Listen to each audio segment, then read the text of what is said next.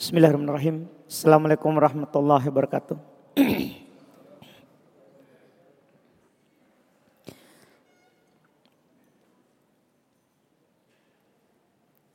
Innal hamdalillah nahmaduhu wa nasta'inuhu wa nastaghfiruh wa na'udzu billahi min shururi anfusina wa min sayyiati a'malina may yahdihillahu fala وما يضلل فلا هادي له. أشهد أن لا إله إلا الله وحده لا شريك له وأشهد أن محمدا عبده ورسوله. صلى الله على نبينا محمد وعلى آله وأصحابه ومن تبعهم بإحسان إلى يوم الدين. أما بعد Alhamdulillah kita bersyukur kepada Allah Subhanahu wa taala di hari ini majelis ke-26 dalam membaca kitab Al-Ghayatu wa Takrib Matan Abi Syuja Fi fikih syafi'i Rahimahullahu ta'ala Fikih praktis dalam madhab syafi'i Di pertemuan ke-26 ini Kita melanjutkan Pembahasan Masih dalam kitabus salah Beliau akan menyebutkan fasal setelah selesai semua dari pergerakan-pergerakan solat, bacaan solat yang kita ambil di beberapa kali pertemuan. Maka sekarang beliau akan mulai membahas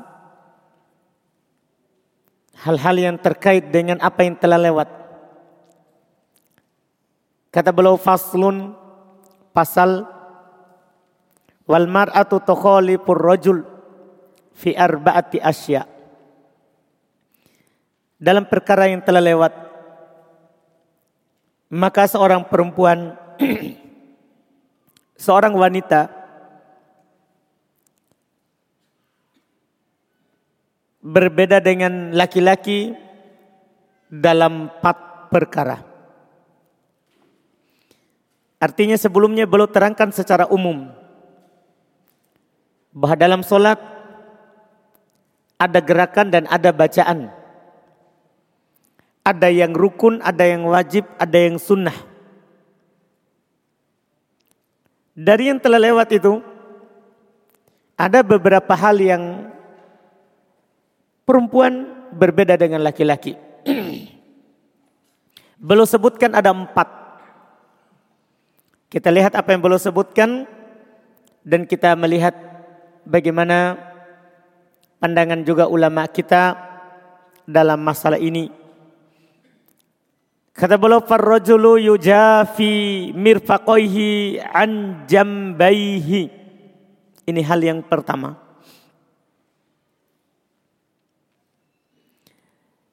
Seorang lelaki dalam solat dia menjauhkan kedua sikunya dari dua sisinya. Itu sunnah laki-laki untuk bersayap dalam solat. Dia jauhkan kedua sikunya dari kedua samping kiri dan kanannya. Ini kalau sujud. Dan kita sudah terangkan di pertemuan sebelumnya ini hukumnya adalah sunnah. Sunnah seorang ketika sujud dia arahkan siku kanan ke arah kanan, kiri ke arah kiri. Dan kita sudah ingatkan sebelumnya ini kalau tidak mengganggu yang samping kiri dan kanan. Kalau mengganggu maka cukup diangkat saja sikunya. Karena tidak boleh siku ini ketika sujud melantai. Tidak dibolehkan. Bahkan para ulama mengatakan itu hukumnya haram. Karena diserupakan oleh Nabi kita Muhammad SAW dengan anjing. Dengan anjing. Jadi kalau memang tidak bisa direnggangkan, maka hanya diangkat ketika kita sujud. Tidak melantai. Nah, sekarang perempuan bagaimana? Apakah sunnah juga direnggangkan? Kata beliau ini yang berbeda antara laki-laki dan perempuan. Kalau laki-laki sunnah untuk dia renggangkan sikunya ke arah kanan, kalau yang kanan ke arah kiri, kalau yang kiri. Perempuan tidak. Perempuan tidak. Ini pendapat dalam madhab syafi'iyah diselisihi oleh ulama madhab yang lain. Pendapat yang disebutkan oleh penulis ini tidak ada dalilnya secara nas dari Nabi Sallallahu Alaihi Wasallam. Dalil mereka hanya mempertimbangkan seorang perempuan kalau dia renggangkan seperti laki-laki maka akan tersingkap auratnya. Itu saja sisinya. Itu pendalilan mereka. Sementara mayoritas ulama yang lain tidak. Ini menjauhkan siku dari samping kiri dan kanan itu sunnah umum untuk laki-laki dan perempuan. Tidak ada nas dari Nabi SAW mengecualikan perempuan. Dan pendapat mayoritas itu lebih kuat. Kenapa? Karena asal sama laki-laki dan perempuan. Masalah aurat itu kan masalah lain. Artinya kita katakan dulu ini sunnah bagi laki-laki dan perempuan. Kemudian kalau dikhawatirkan akan tersingkap pakaian solatnya dengan ini, maka jangan dilakukan. Kan ini sunnah. Tidak boleh gara-gara melakukan sunnah dia melakukan hal yang membuat solatnya batal. Tapi kalau bisa dia jaga auratnya. Pakaian solatnya mukenanya lebar misalnya menutup seluruh badannya. Menutup seluruh badannya. Maka tidak ada halangan baginya untuk melakukan sunnah ini. Tapi kalau seperti yang disebutkan oleh orang syafi'iyah. Membuat auratnya tersingkap. Wajib bahkan bukan hanya sunnah. Wajib bahkan dia tidak merenggangkannya. Harus dia menjaga auratnya. Harus dia menjaga auratnya. Ini dalam hal yang pertama dan yang kuatnya tidak ada bedanya laki-laki dan perempuan karena tidak ada dalil. Tidak ada dalil. Kemudian berikutnya kata beliau wa yukillu batnahu an fakidaihi fis sujudi dan dia kalau laki-laki ya ya yukillu batnahu dia merenggangkan menjauhkan perutnya dari paha ketika sujud dan ruku. Kalau laki-laki dia jauhkan. Jadi dia sujud dia tidak rapatkan jarak antara sujud dan perutnya dengan pahanya. Tentunya kan dengan pahanya. Karena kalau mendekat ke paha otomatis dekat perutnya dari paha disunahkan laki-laki untuk menjauhkan. Menjauhkan. Iya. Kalau perempuan tidak. Sekali lagi dalam hal ini mereka tidak ada dalil. Dalil mereka adalah supaya terjaga auratnya. Mas sama seperti itu. Sama seperti itu. Dikhawatirkan kalau perempuan juga jauhkan, maka akan tersingkap apa? Auratnya. Sekali lagi kita katakan hal ini kalau memang masih bisa dia jaga auratnya. Sama antara laki-laki dan perempuan. Sunnah dia jauhkan antara perutnya dengan pahanya. Karena hukumnya umum untuk laki-laki dan perempuan. Tidak ada bedanya antara laki-laki dan perempuan. Kecuali ada dalil yang mengkhususkan dan hal ini tidak ada dalil. Dan hal ini tidak ada dalil dari Nabi kita Muhammad SAW yang mengkhususkan perempuan. Artinya hukum yang sah, hukum yang sohi adalah sama kecuali memang terjadi. Kalau dia jauhkan maka akan tersingkap auratnya. Sudah bukan hanya sunnah harus dia rapatkan supaya tidak tersingkap auratnya. Supaya tidak tersingkap auratnya. Iya. Itu hal kedua. Hal yang ketiga, wa yajharu fi maudi'il jahar. Ini laki-laki. Dia jahar pada tempat yang dijaharkan. Di sholat-sholat jahariyah. Sholat lima waktu itu terbagi dua. Dilihat dari bacaannya. Jahar atau tidak terbagi dua.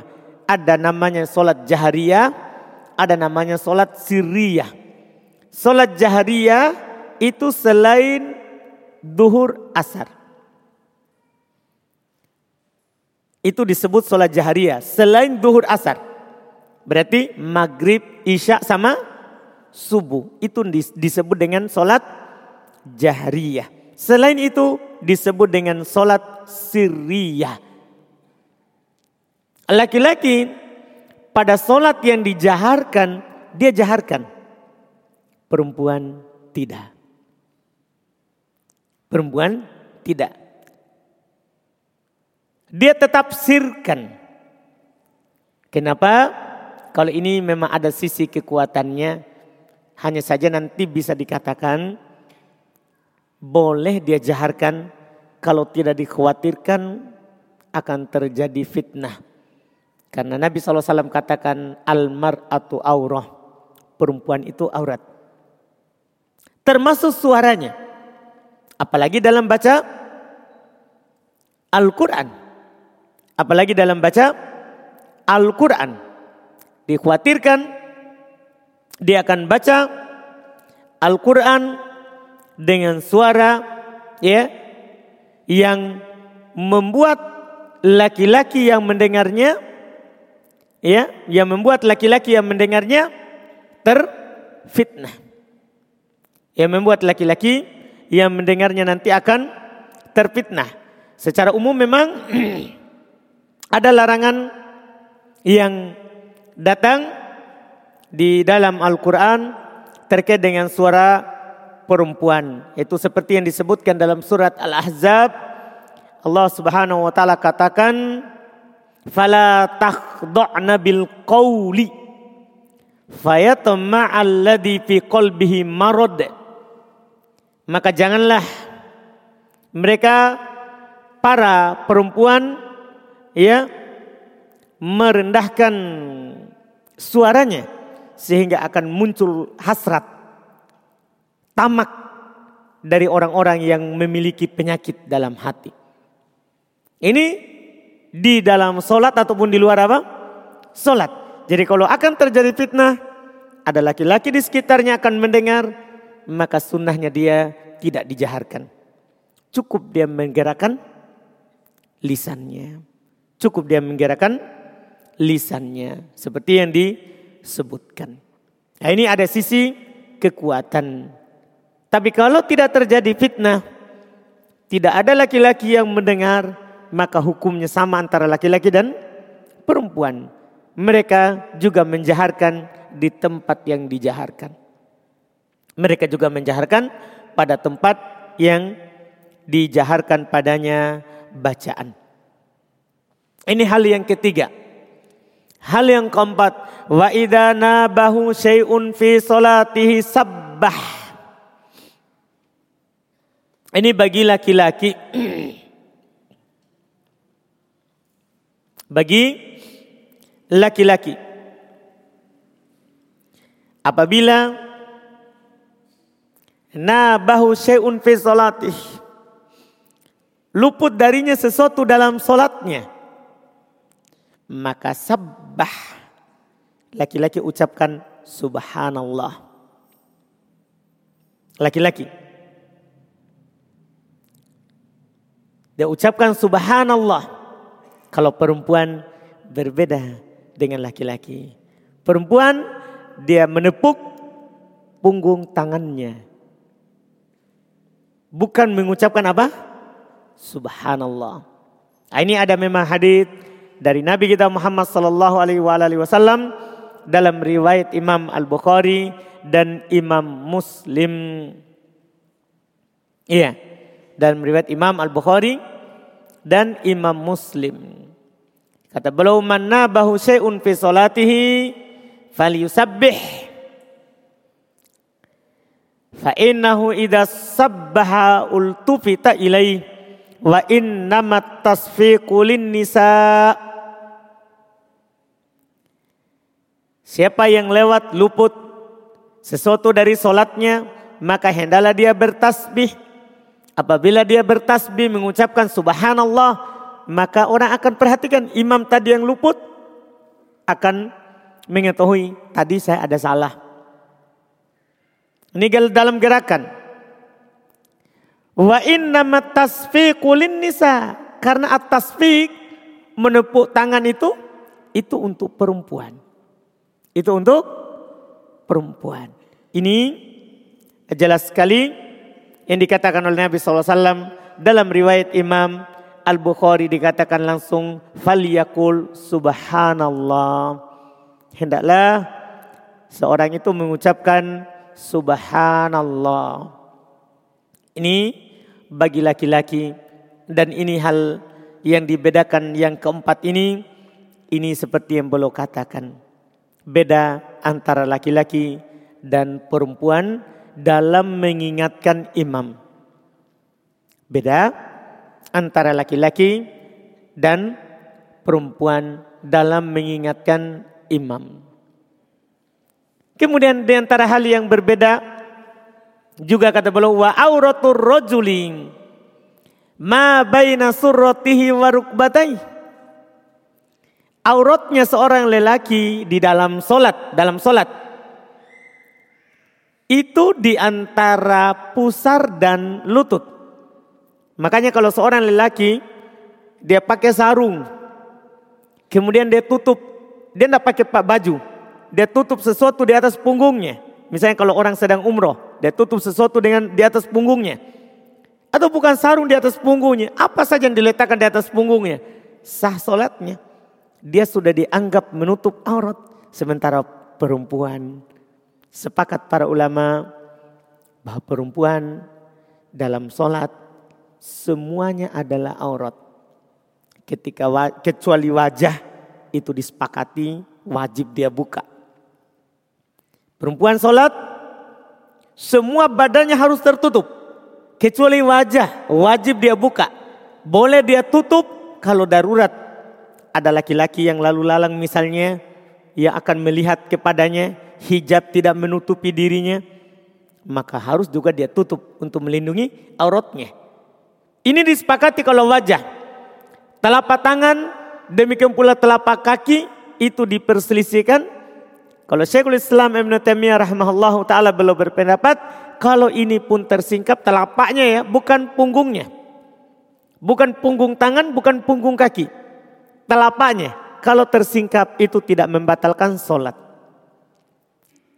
Kalau wajah itu disepakati.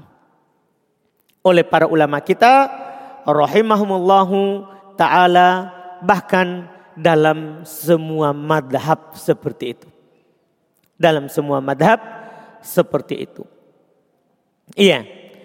Terkait dengan perbedaan antara laki-laki dan perempuan di sini adalah memang itu hal yang dinaskan oleh Al-Imam Asy-Syafi'i rahimahullahu taala dan selainnya untuk laki-laki.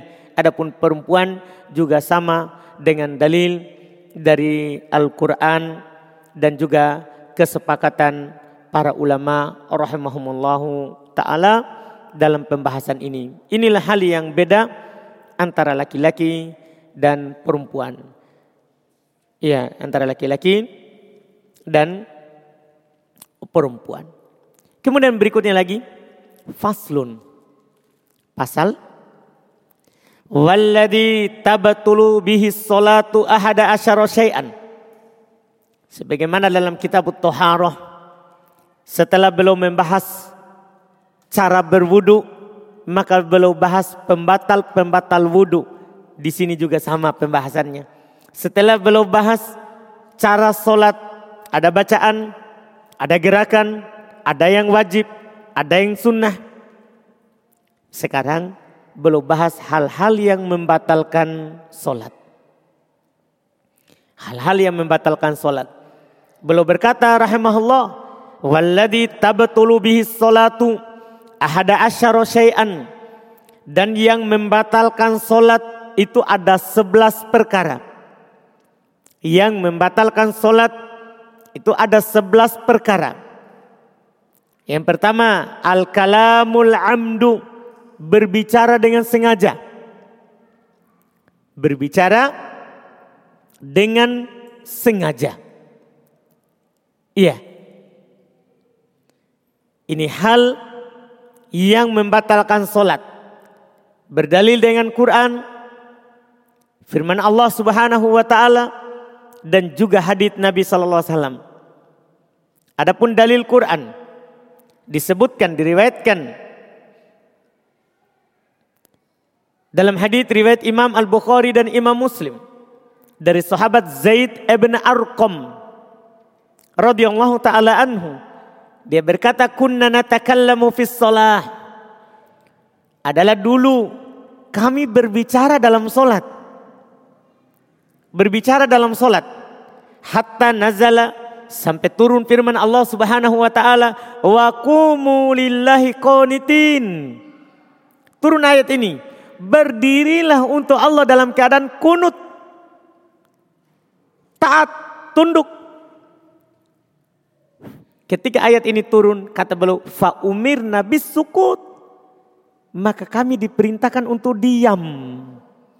Kecuali bacaan solat. Diam dari berbicara hal yang lain. Wanuhina anil kalam. Dan kami dilarang untuk berbicara. Ini dalil pertama. Dalil kedua. Ada dalam hadis riwayat Imam Muslim. Ini kejadiannya lucu. Di tengah para sahabat. Karena sebelum mereka tahu dilarangnya berbicara.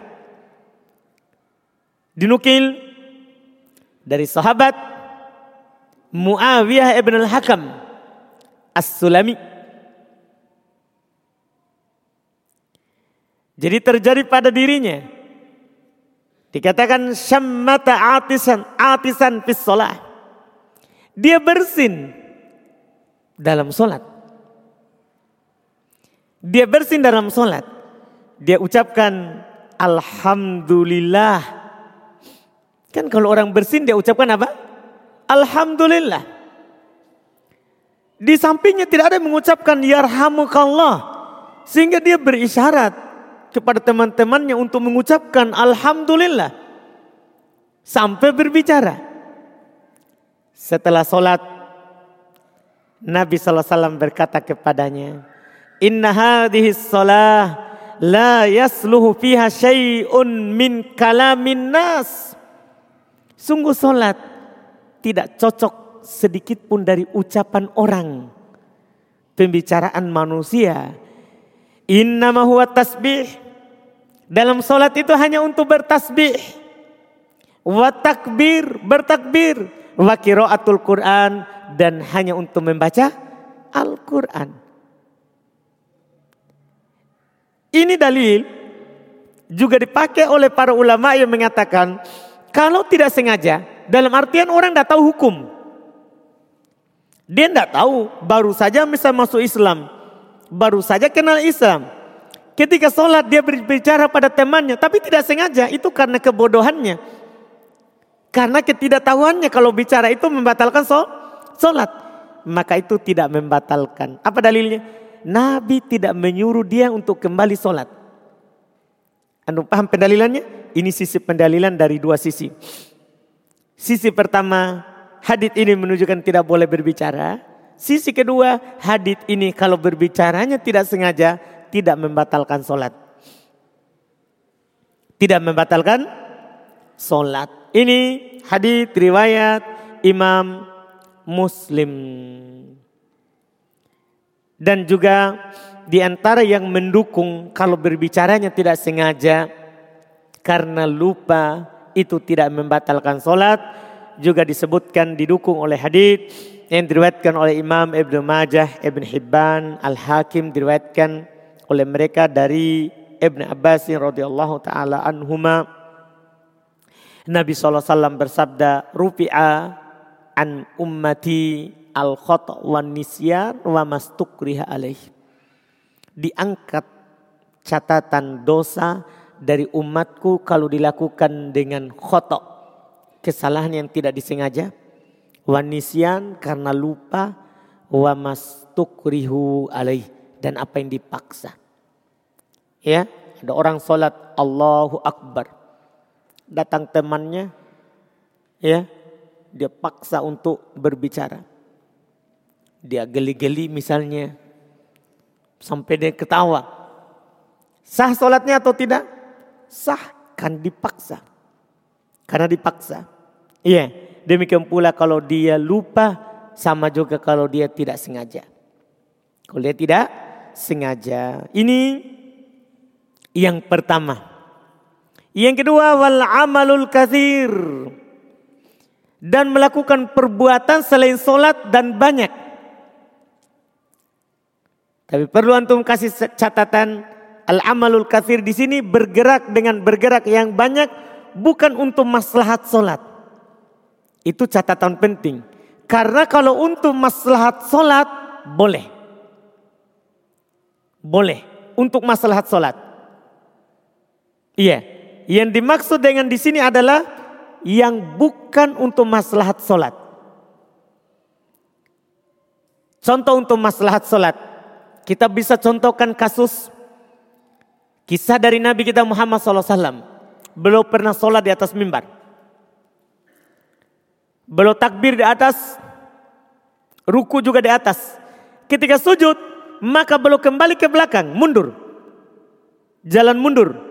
Baru, baru belum sujud di bawah. Setelah selesai sholat, belum katakan, itu supaya kalian tahu bagaimana saya sholat. Berarti untuk masalah apa? Untuk masalah sholat. Kasus kedua, Nabi SAW pernah menggendong cucu beliau Sumama. Ketika berdiri beliau gendong.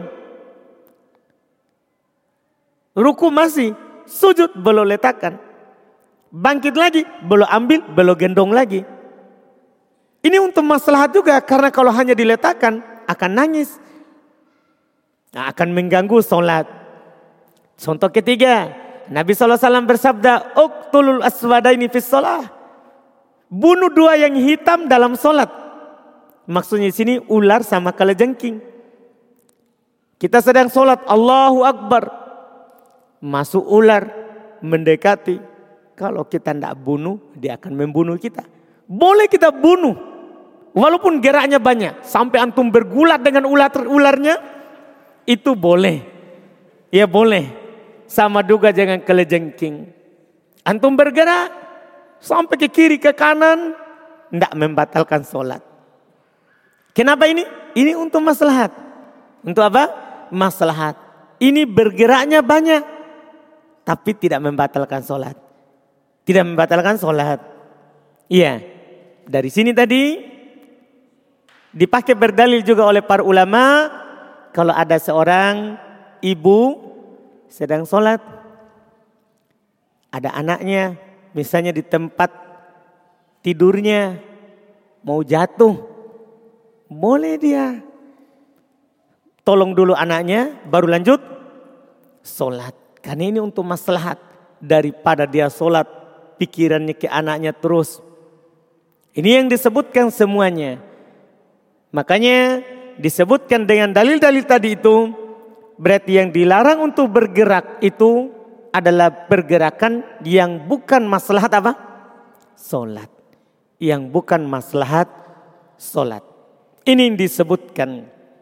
Dan para ulama berselisih juga pendapat terkait dengan bergerak yang banyak. Kapan dihitung banyak? Ah, ini berselisih. Ada mengatakan kalau tiga kali ke atas.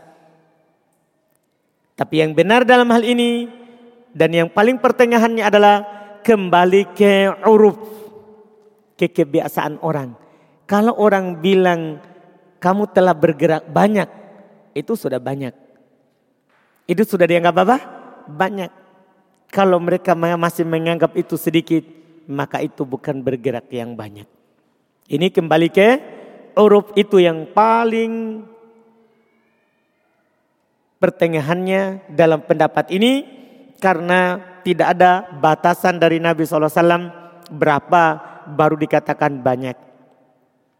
Sebab mereka katakan bahwa dilarang untuk bergerak banyak selain dalam maslahat solat karena ini akan menghilangkan khusyuk.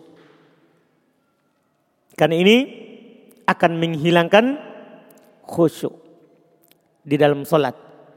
Di dalam solat. Cuman apakah dia akan membatalkan? Ini pertanyaan berikutnya. Apakah bergerak dalam solat selain untuk maslahat solat? Apakah dia akan membatalkan solat atau hanya makruh bergerak dalam solat selain maslahat solat itu ada dua. Ada bergerak tapi masih ke arah kiblat, ada bergerak sudah tidak ke arah kiblat lagi. Kalau dia bergerak tidak untuk masalah solat, bukan lagi ke arah kiblat, badannya sudah badannya ya bukan kepala. Kalau kepala tidak membatalkan. Ini badannya sudah selain arah kiblat, ke kiri ataupun ke kanan, batal solatnya. Batal solatnya. Kalau masih ke arah kiblat, maka hukumnya makruh di atas pendapat yang mengatakan khusyuk bukan rukun solat. Karena memang pendapat yang kuat khusyuk itu sunnah dalam solat. Bukan rukun, bukan wajib. Kenapa? Susah orang kalau khusyuk. Karena bisa saja badannya tetap, cuman pikirannya. Itu kalau diwajibkan khusyuk, itu susah. Semua orang, banyak orang solat berdosa. Kenapa? Bisa saja badannya tenang, tapi dia telah ke Jakarta, bahkan telah ke Arab Saudi. Kan macam-macam orang dalam sholat. Karena syaitan itu mendukung juga dalam hal itu. Dalam hadis Nabi SAW, Ida adzan al-muadzin faros syaitan walahu dorot. Nabi SAW katakan kalau muadzin adan, syaitan akan lari dalam keadaan keluar kentutnya.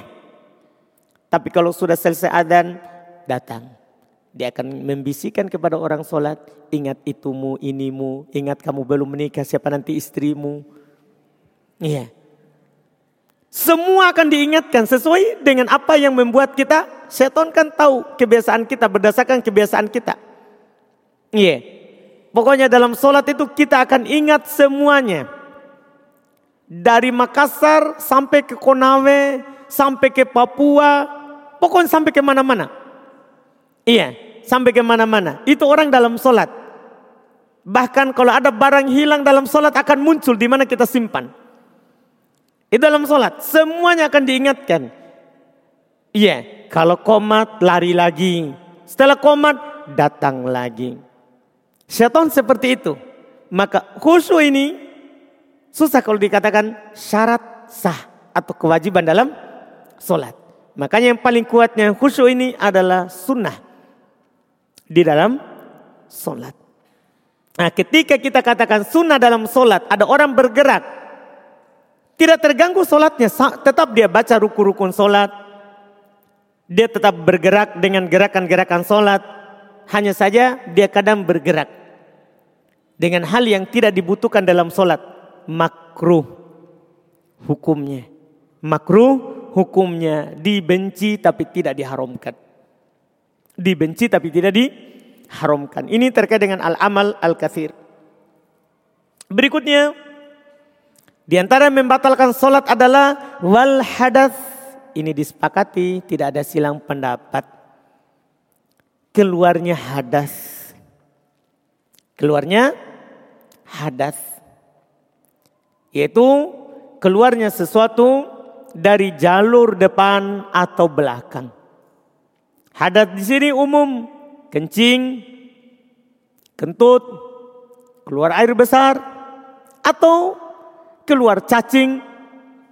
Tiba-tiba ya lagi sholat gatal-gatal-gatal ternyata sudah ada keluar. Itu batal sholatnya. Itu batal sholatnya. Sama dengan keluarnya ya kotoran. Itu membatalkan wudhu dan otomatis membatalkan sholat. Ini tidak ada silam pendapat.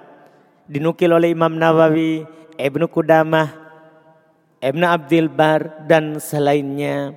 Kalau hadas itu membatalkan sholat. Kata Nabi Shallallahu Alaihi Wasallam dalam hadis riwayat Imam Abu Daud dan juga Imam At-Tirmidzi Ida fasa ahadukum fi salatihi falyansorif falyatawaddo wal yu'id salatahu. Apabila salah seorang dari kalian kentut fasa, kentut tidak berbunyi. Karena kalau kentutnya berbunyi, takbirnya durot. Ini fasa, tidak berbunyi yang halus, tiba-tiba keluar baunya. Kalau ini ya tidak berbunyi saja batal, apalagi ada bunyinya. Apabila salah seorang dari kalian kentut di dalam solatnya, maka hendaklah dia keluar dan dia berwudu serta ulang solatnya.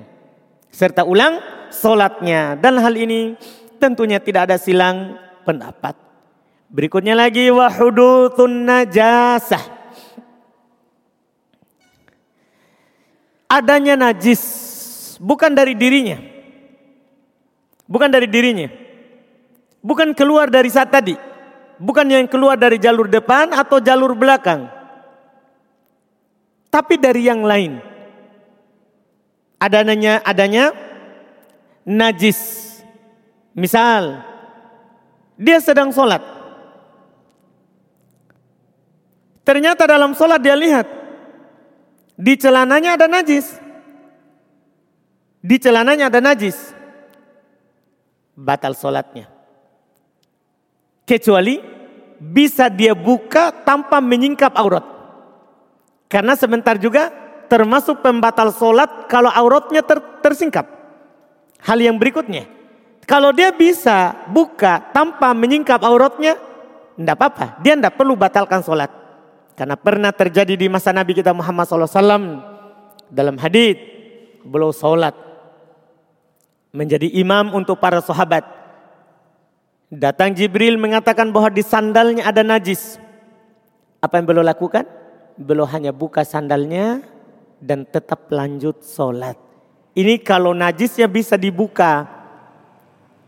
Hal yang ada najisnya bisa dibuka tanpa membuka auratnya, boleh langsung dilanjutkan. Tapi kalau akan membuka auratnya, maka di sini dia batalkan sholatnya dia batalkan solatnya. Karena adanya najis itu membatalkan solat. Kenapa? Karena disepakati oleh para ulama rahimahumullah. Dan kita juga sudah melewatinya di pembahasan sebelumnya. Tidak ada silang pendapat bahwa syarat sahnya solat tidak boleh ada najis. Di pakaian, di badan, dan di tempat solat. Tiga. Tidak boleh ada najis di pakaian. Tidak boleh ada najis di badan. Tidak boleh ada najis di tempat sholat. Itu syarat sahnya. Artinya kalau ada, tidak sah sholat. Tidak sah sholat. Ini yang disebutkan. Kemudian berikutnya, syaful aurah. Termasuk hal yang membatalkan sholat adalah tersingkapnya, terbukanya aurat. Ada orang sholat, terbuka auratnya kelihatan. Ya, duburnya bagian belakang. Ya, atau kelihatan bagian depannya. Ini kalau laki-laki kan auratnya cuma situ. Pusar sampai ke lutut, tersingkap. Ya, kelihatan itunya. Antum paham kan itunya? Iya. Atau perempuan, kalau perempuan lebih besar lagi. Karena seorang perempuan kalau keluar misalnya rambutnya, batal sholatnya. Lebih besar lagi. Ada perempuan kelihatan lehernya, batal sholatnya. Ada perempuan kelihatan dadanya, batal sholatnya. Ada perempuan kelihatan lengannya, batal sholatnya. Batal sholatnya. Perempuan lebih besar, laki-laki hanya sedikit. Auratnya, tersingkapnya aurat, batal sholat. Kenapa? Karena juga sudah berlalu bersama kita sepakat para ulama tidak ada silang pendapat bahwa menutup aurat adalah merupakan syarat sahnya solat. Syarat sah. Artinya kalau ada orang solat terbuka auratnya batal solatnya. Tidak sah solatnya. Mungkin bisa dipahami ini tidak ada silang pendapat. Dan kita sudah jelaskan aurat laki-laki dan aurat perempuan. Itu sudah kita jelaskan. Hal ini bukan hanya dalam madhab syafi'iyah. Tapi ini dalam seluruh madhab. Dalam seluruh madhab. Berikutnya kata beliau. Termasuk yang membatalkan solat adalah tagirun niyah. Berubahnya niat. Ada orang solat. Di awal niatnya solat duhur. Allahu Akbar Ternyata sholat asar. Langsung dia ubah di tengah. Balik sholat asar. Boleh atau tidak? Tidak boleh. Kenapa bisa? Niat itu syarat sholat. Disepakat itu. Kenapa syarat? Karena dia sebelum sholat. Niat itu paling lambatnya sebelum kita bertakbir. Tidak boleh ada niat setelah Allahu Akbar baru berniat. Tidak sah sholatnya. Karena niat sebelum ibadah, bukan dalam ibadah. Kami ulangi, niat itu syarat. Syarat itu sebelum kita masuk dalam ibadah. Sebelum kita masuk dalam ibadah. Makanya kata Nabi SAW terkait dengan puasa. Malam yujmi'in siyam minal laili falasiyamalah. Siapa yang tidak berniat dari malam hari untuk berpuasa maka tidak ada puasa baginya. Malam itu maksudnya dari terbenam matahari sampai terbit fajar. Sebelumnya itu. Kalau ada orang sholat puasa tidak berniat sebelum fajar. Tidak ada puasa baginya. Sama juga sholat. Tidak boleh diubah di tengah. Ketika kita salah niat wajib kita batalkan. Kita batalkan baru kita ulang. Baru kita ulang. Ini yang disebutkan karena niat juga syarat sahnya sholat. Ini secara umum bisa dikatakan disepakati walaupun di sana ada sedikit perselisihan dari Abu Hanifah. Pendapat dari Abu Hanifah dia mengatakan niat itu bukan syarat sah. Cuma pendapat beliau menyelisihi Al-Quran juga menyelisihi hadits Nabi SAW. Di antara hadits yang paling jelas yang beliau selisih adalah hadits Umar ibn Khattab, riwayat Imam Al-Bukhari dan Imam Muslim. Kata Nabi SAW, innamal amalu bin niat. Wa innamal likulli imri'im manawa. Iya, ini kan niat itu menjadi syarat dari ibadah. Bahkan Nabi bilang, sungguh setiap orang akan mendapatkan apa yang ia niatkan. Kemudian berikutnya wastidbarul kiblah. Termasuk hal yang membatalkan solat adalah membelakangi kiblat. Antum sudah lewat sebelumnya di pembahasan syarat sahnya solat menghadap kiblat. Dan Anas sudah rincikan antum. Kalau kita berada di Makkah, di Masjid Haram Makkah, wajib menghadap badan Ka'bah. Makanya di sana kiblat sopnya melingkar. Kenapa? Karena harus menghadap badan Ka'bah. Itu disepakati. Kalau kita di luar Mekah, seperti kita contoh kita di negeri kita ini Indonesia. Ya, maka yang wajib bagi kita adalah menghadap arah, bukan badan. Karena kalau kita menghadap badan, badan Ka'bah berarti sebentar sobda juga belok. Tidak boleh lurus, karena kalau lurus berarti di sana sudah tidak menghadap badan. Paham kan? Makanya untuk memudahkan kaum muslimin, sepakat para ulama, siapa yang tidak melihat Ka'bah wajib menghadap arah. Diperhatikan ini, wajib menghadap apa? Arah kiblat. Arah Ka'bah, bukan badan Ka'bah. Bukan badan Ka'bah. Ini yang diperlu yang perlu diperhatikan oleh kaum muslimin terkait dengan dua kesepakatan ini. Artinya, kalau ada orang tidak menghadap arah, malah dia membelakangi. Kita di Indonesia paling mudah. Arah kiblat kita adalah arah terbenamnya matahari. Paling mudah. Artinya di mana arah bayangan, di situlah kiblat. Kalau kita berdiri sebelum matahari tergelincir. Kan matahari naik di arah timur. Ketika naik di arah timur, otomatis bayangan ke arah ba barat. Ke arah bayangan itulah kiblat. Atau kalau mataharinya sudah tergelincir, berarti kan bayangan ke mana? Ke arah ke arah timur. Kalau ke arah timur berarti kiblat kita berlawanan dengan bayangan. Itu paling mudah kalau kita negeri kita. Iya ke arah barat itulah kiblat. Ini yang disepakati. Kapan ada orang sholat membelakangi kiblat batal.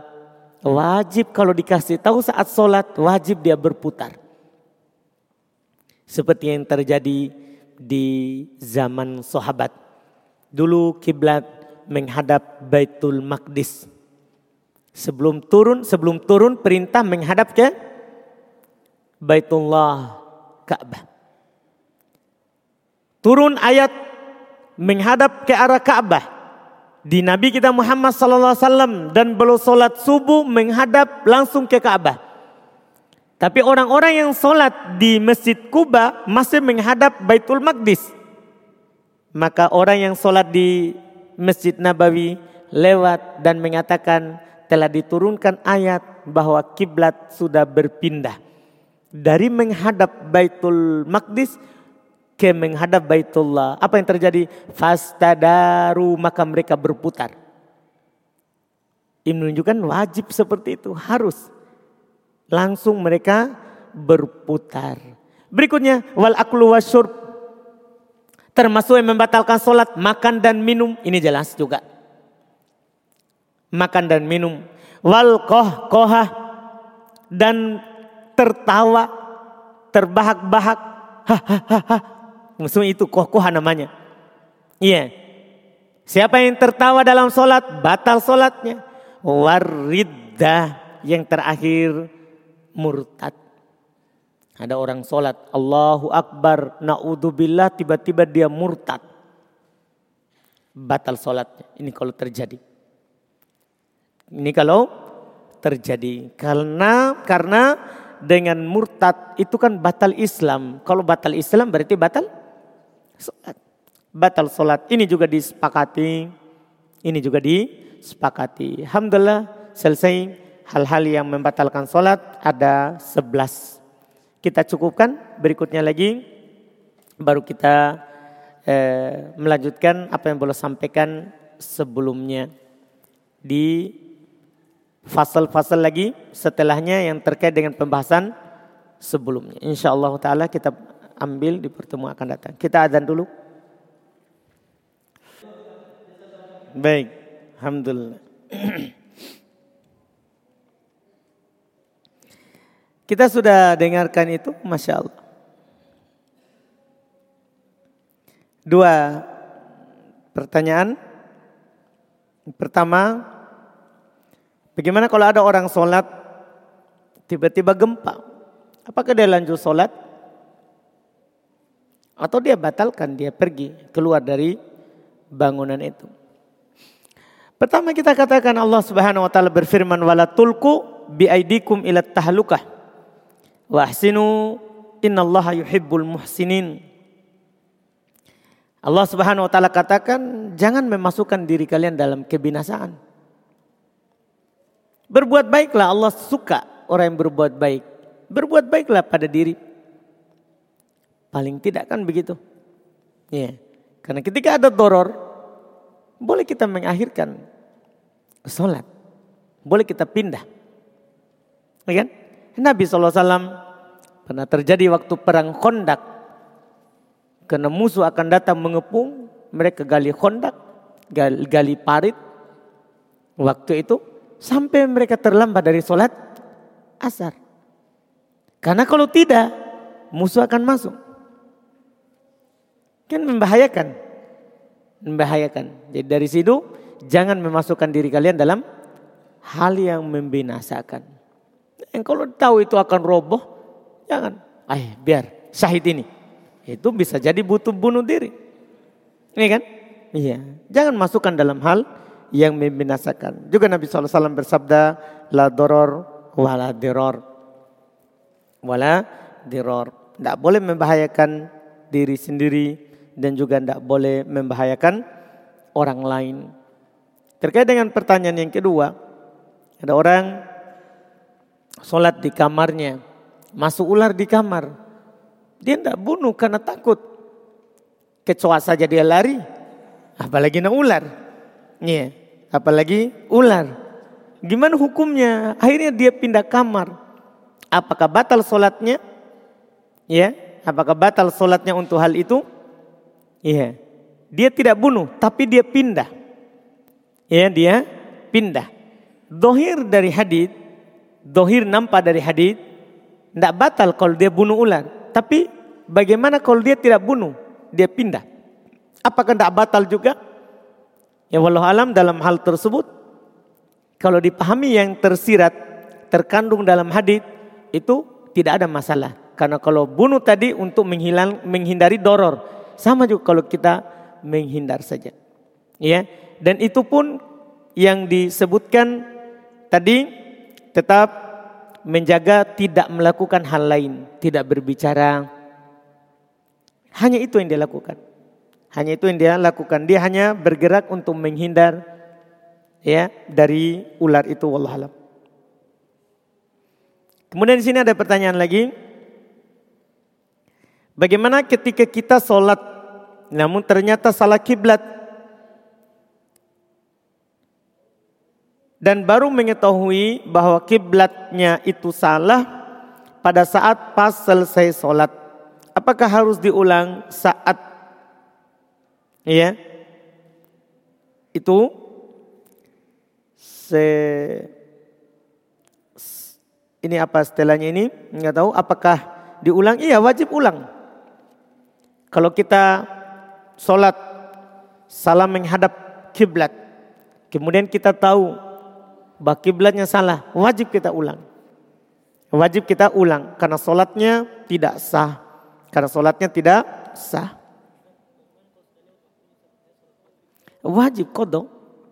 Maksudnya ini ada pertanyaan lagi, bagaimana kalau sudah lewat waktunya? Di kodok. Iya kan boleh. Iya kan? Boleh dilakukan tersebut karena tadi tidak sah. Kemudian berikutnya apakah batal solatnya jika dalam kondisi solat baru teringat lupa membuka cadar.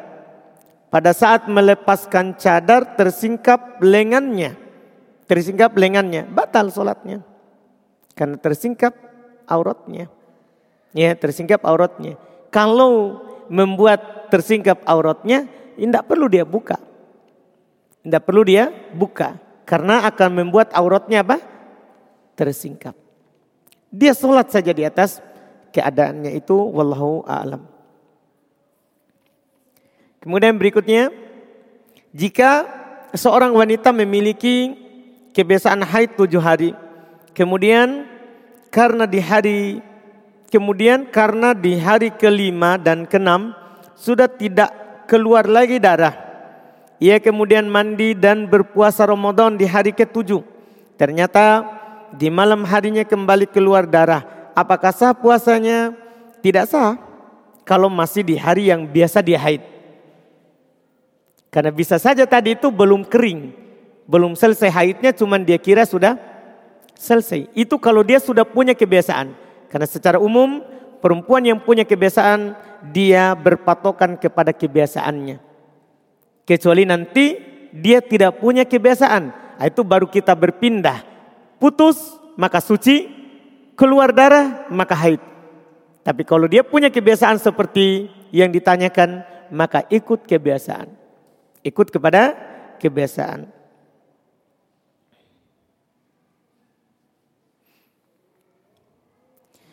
Bagaimana hukumnya orang yang berpuasa lebih duluan sehari dari awal Ramadan yang ditentukan oleh pemerintah. Ya, yang ditentukan oleh pemerintah. Dia menyelisih pemerintah, menyelisih Nabi SAW. Kata Nabi SAW, As-sawmu. Puasa itu pada hari yang pemerintah berpuasa. Pada hari yang kebanyakan kaum muslimin berpuasa. Iya, kalau ada orang berpuasa menyelisih pemerintah, ya dia salah. Dia menyelisih apa? Pemerintahnya. Menyelisih pemerintahnya. Iya.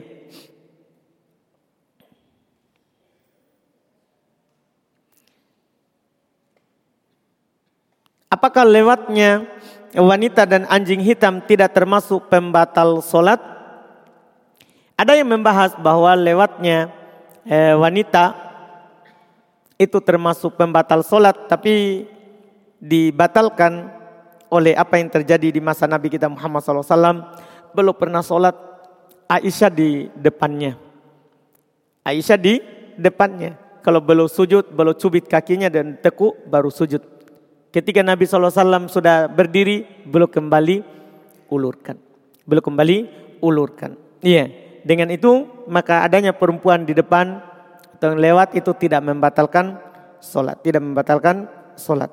Kalau anjing memang ada datang dalil hal tersebut dan tidak ada yang membatalkan pendalilannya dan tidak ada membatalkan pendalilannya kalau lewat di depan. Kapan kemudian berikutnya, kapan terhitung sholat mulai bisa dikosor atau jamak ketika safar? Ketika sudah lewat rumah dari perkampungan kita. Misalnya orang Makassar sudah lewat Makassar. Itu sudah bisa jamak kosor. Sudah bisa jamak kosor.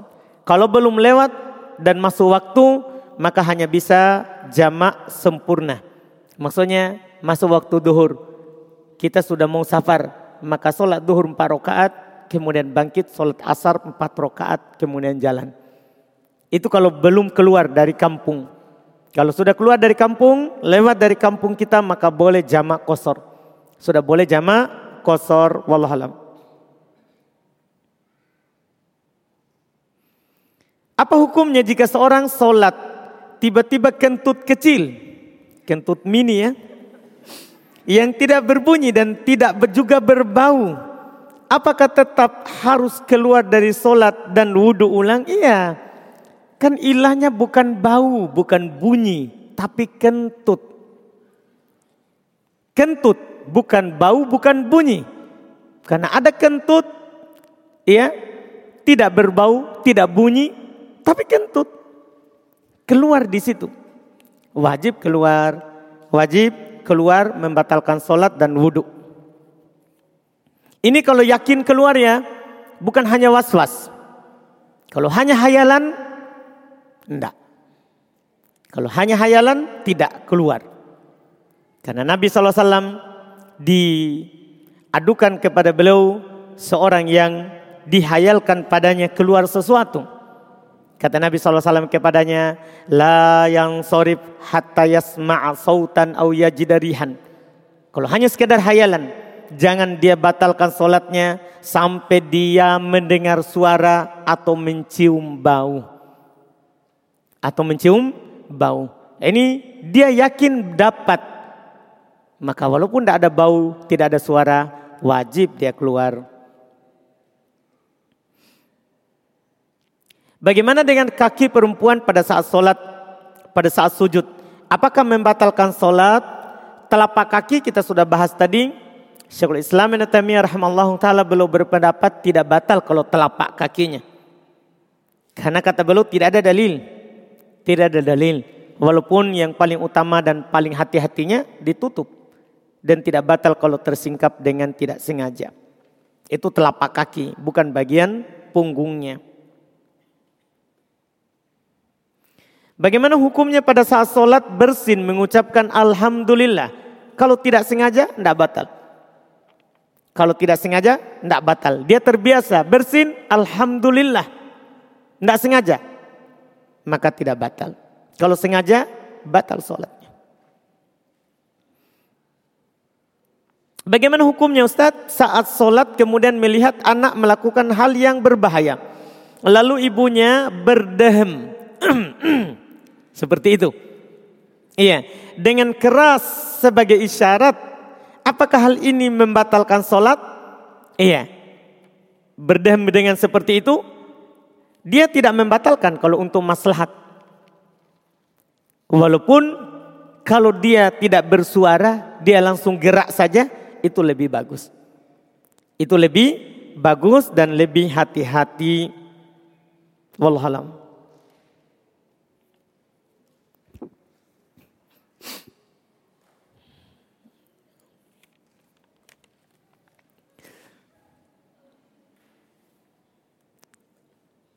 Kita lihat lagi ini pertanyaan satu kertas. Assalamualaikum Ustadz, Waalaikumsalam dalam satu komunitas yang di mana kegiatannya adalah turun ke jalan bagi-bagi makanan. Dalam kegiatan ini akwat ikut turun ke jalan membagi makanan sehingga interaksi dengan lawan jenis tidak bisa dihindari. Ya. Karena mereka lah penerima makanan tersebut Kegiatan ini masih bisa tetap berjalan tanpa ikut serta dari akhwat. Karena masih ada ikhwan yang ikut serta juga dalam komunitas ini.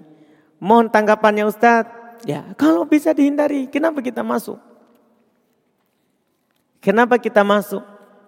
Iya, solat saja yang wajib. Itu tempatnya di rumah. Apalagi hanya sekedar membagi makanan. Seorang mau dapat pahala sedekah, tidak harus dia turun. Tidak harus dia yang pergi membaginya. Kita saja memasak makanan di rumah sama dengan pahalanya orang yang membaginya. Tidak ada yang dikurangi. Tidak ada yang dikurangi. Jelas dalam hal tersebut seorang tidak seharusnya memasukkan dirinya kepada hal yang seperti itu. Hal yang seperti itu apalagi dalam pertanyaan masih bisa dihindari. Beda kalau kejadiannya kalau dia tidak tolong orangnya akan mati. Ya harus dia tolong. Harus dia kasih makanan. Ya, ada orang di hadapan rumahnya sudah kelaparan sekali. Kalau dia tidak kasih makanan bukan mahramnya. Tapi kalau dia tidak keluar kasih makanan orang itu akan mati. Dia keluar. Darurat namanya darurat namanya. Iya kalau bisa menghindar tidak boleh. Iya.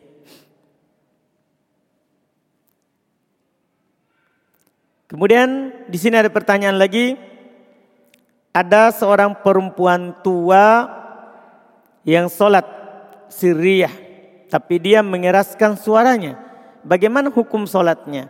Kalau sekali-sekali atau satu ayat tidak semuanya boleh. Karena Nabi SAW kadang memperdengarkan ayat dalam solat sirriyah. Dalam solat yang dikecilkan suaranya. Itu dibolehkan.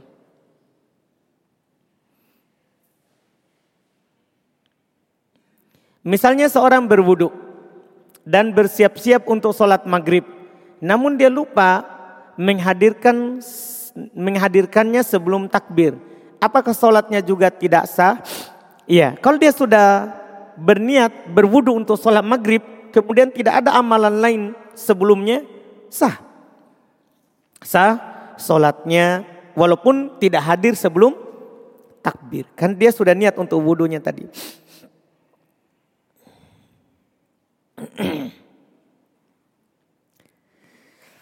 Kemudian berikutnya bagaimana hukumnya sholat di kapal yang arah kiblatnya berubah-berubah. Kan di kapal akan disampaikan. Bah kiblat sekarang menghadap lambung kiri, lambung kanan. Kan dikasih tahu. Dan perubahannya itu tidak secepat itu. Tiba-tiba bergerak sini, tiba-tiba belok begini. Kan tidak begitu.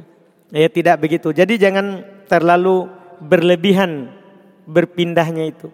Iya berpindahnya itu. Kan diumumkan di kapal. Dan kalau ditakdirkan antum sholat. Tadi kapal sudah umumkan ke sisi ini. Dalam sholat tiba-tiba ombak besar angin kencang. Akhirnya kapalnya berbalik arah. Berbalik arah. Maka antum ikut berbalik. Antum ikut berbalik.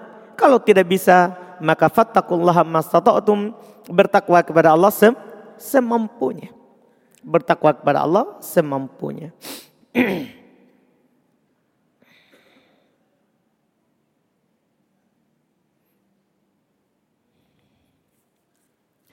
Kita lihat pertanyaan terakhir.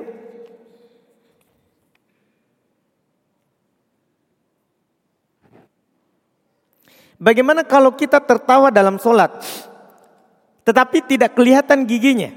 Ya, berarti hanya senyum ya. Kalau ketawa dengan koh-koha dia keluar suaranya, tapi tidak kelihatan giginya, ya, tapi berbunyi, batal sholatnya. Batal sholatnya. Iya, kalau tertawa batal sholatnya. Tadi sudah disinggung oleh penulis rahmahullahu taala. Kita cukupkan alhamdulillah.